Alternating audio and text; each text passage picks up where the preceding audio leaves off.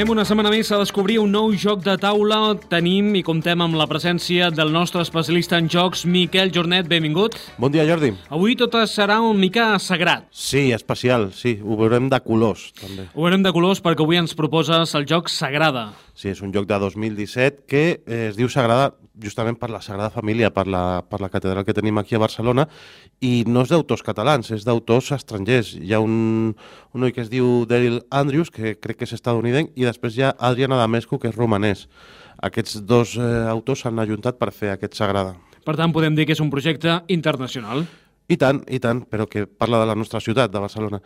L'artista gràfic, Peter Woken, l'editor, L'editor, el primer editor internacional és Floodgate Games, però el darrer de Beer News, que són uns vídeos que fa de Beer, diuen que igual ho acaba publicant de Beer aquí a, a casa nostra. Esperem que si de Beer ho publica, la portada la canviïn una mica, eh? No Ah, m'acaba d'agradar gaire. És especial, o t'encanta o, o, o tot el contrari. Jo potser ho trobaria a l'aparador i no, No- sé si li faria gaire... Ara sí, perquè me l'explicaràs, sí, no? Però sí. Jo no sé si envellirà bé aquesta, aquesta portada, tot s'ha de dir. això mateix. Número de jugadors. D'un a quatre jugadors, Edat recomanable. a partir de 30 anys. Temps de partida. 30 a 45 minuts.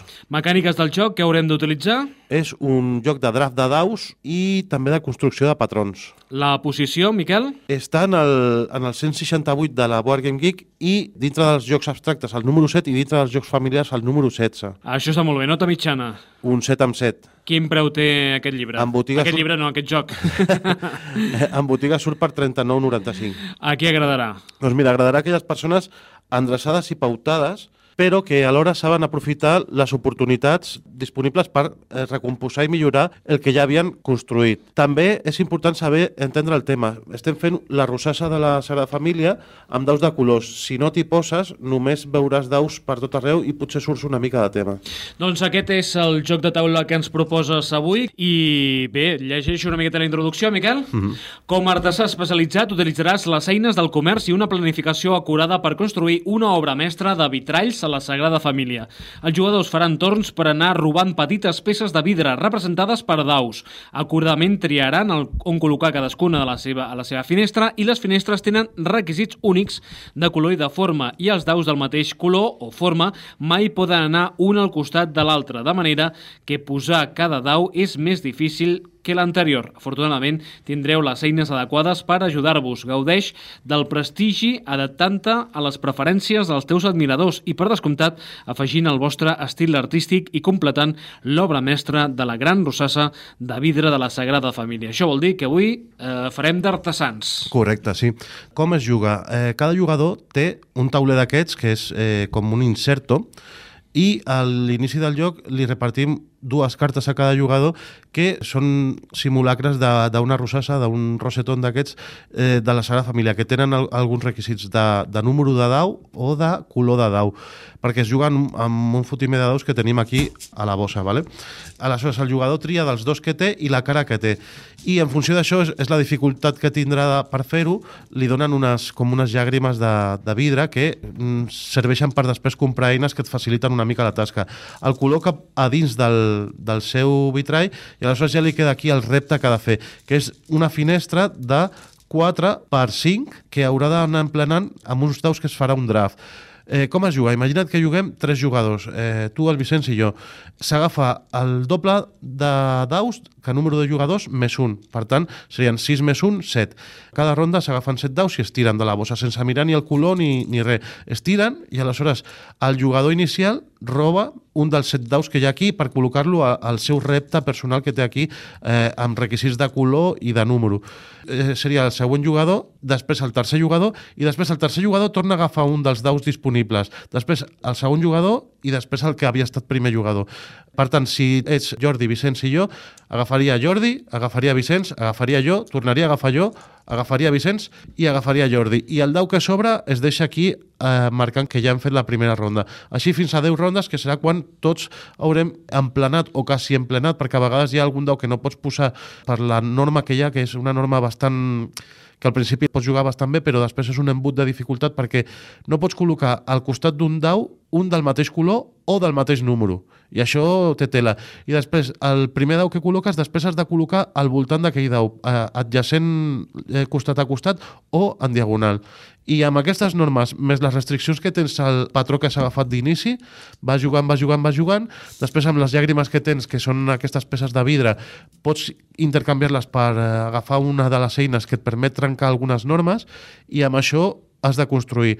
Tots els jugadors tenen un objectiu secret, és normalment un color del dau, sí, sempre és un color del dau.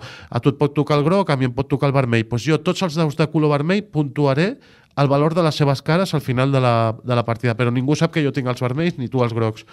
I després hi ha objectius que són comuns, que són vistos, que és pues, per fer diagonals, pues, per fer horitzontals, per fer columnes, eh, i tot això també es puntua.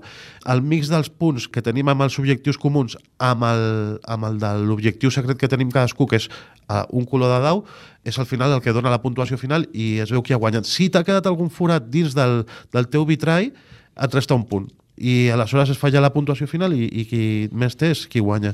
Veig una gran quantitat de daus. Mira De com daus, sona la, sí, sí, la, sí. la bossa. Quants n'hi ha de daus? Els has comptat? Eh, ho, posa, ho posa el reglament, però realment no, no ho sé. Però són daus petits, però d'aquests que són translúcids, perquè el que sí que han intentat és que simuli molt bé el, la rosassa, de, el rosetó de, de, de les esglésies aquestes, no? I quan ho tens tot posat, doncs sí que tot i que és un joc molt abstracte, sí que et dona la sensació de que has fet peça a peça de vidre un, una, una construcció d'aquestes. Quin paper juga aquí la sort? A veure, és un draft, o sigui, les tirades, clar, imagina't que tires els set daus i, i tots els set daus eh, surten uns. Pues, bueno, després eh, hi ha coses per pal·liar la sort, que són aquestes cartes d'eines que tenim també disponibles, eh, sempre tres al, al centre de la taula, que et permet, a lo millor, agafar un dau i tornar-lo a tirar per canviar-li eh, la numeració, o et permet moure daus que ja hagis construït prèviament per deixar-te forats que et valen per un altre dau. Sempre que hi ha jocs de daus i, i que els porto aquí, els autors també se les ingenien per fer eh, mecanismes que, que pal·lin una mica la sort, perquè sempre que hi ha daus hi ha sort, però, però es poden pal·liar. I és curiós que el vulgui treure de Vir, perquè és un tema molt, molt català, i jo crec que per això li ha cridat l'atenció. També jo crec que en el tema de De Vir hi ha que De Vir està, hauria estat encantat de treure eh, el lloc azul, eh, que és un lloc que tothom compara amb aquest, eh, tot i que per mi no són molt comparables, però s'ha avançat a Asmode per un dret de tanteig que tenia per treure la llicència aquesta. De Vir no podrà treure l'azul, doncs a lo millor per això s'ha interessat per, eh, per aquest Sagrada, no? Dret de tanteig com els jugadors de futbol, eh? Exacte, sí, equips, sí, sí, eh? sí, sí, va així la cosa. La, les clàusules. I, bueno, és un joc molt agradable de jugar, molt familiar també. És un joc de daus diferent, tot s'ha de dir. Com sempre, al final de l'explicació del joc, avui és el joc Sagrada, joc de l'any 2017. Uh, Miquel, uh, quina música ens portes? Jo l'he jugat bastant i quan acabo el, la meva rosassa pues, m'imagino que surt aquesta música. Em pensava que anaves a dir quan acabo de jugar em poso a resar. No, no, però veig, quan he fet la composició, per exemple, quan he fet el Comitas o el Chromatic Splendor, que són els noms dels, dels diferents vitralls, pues, eh, m'il·lumino i, i em ve aquesta, aquesta cançó.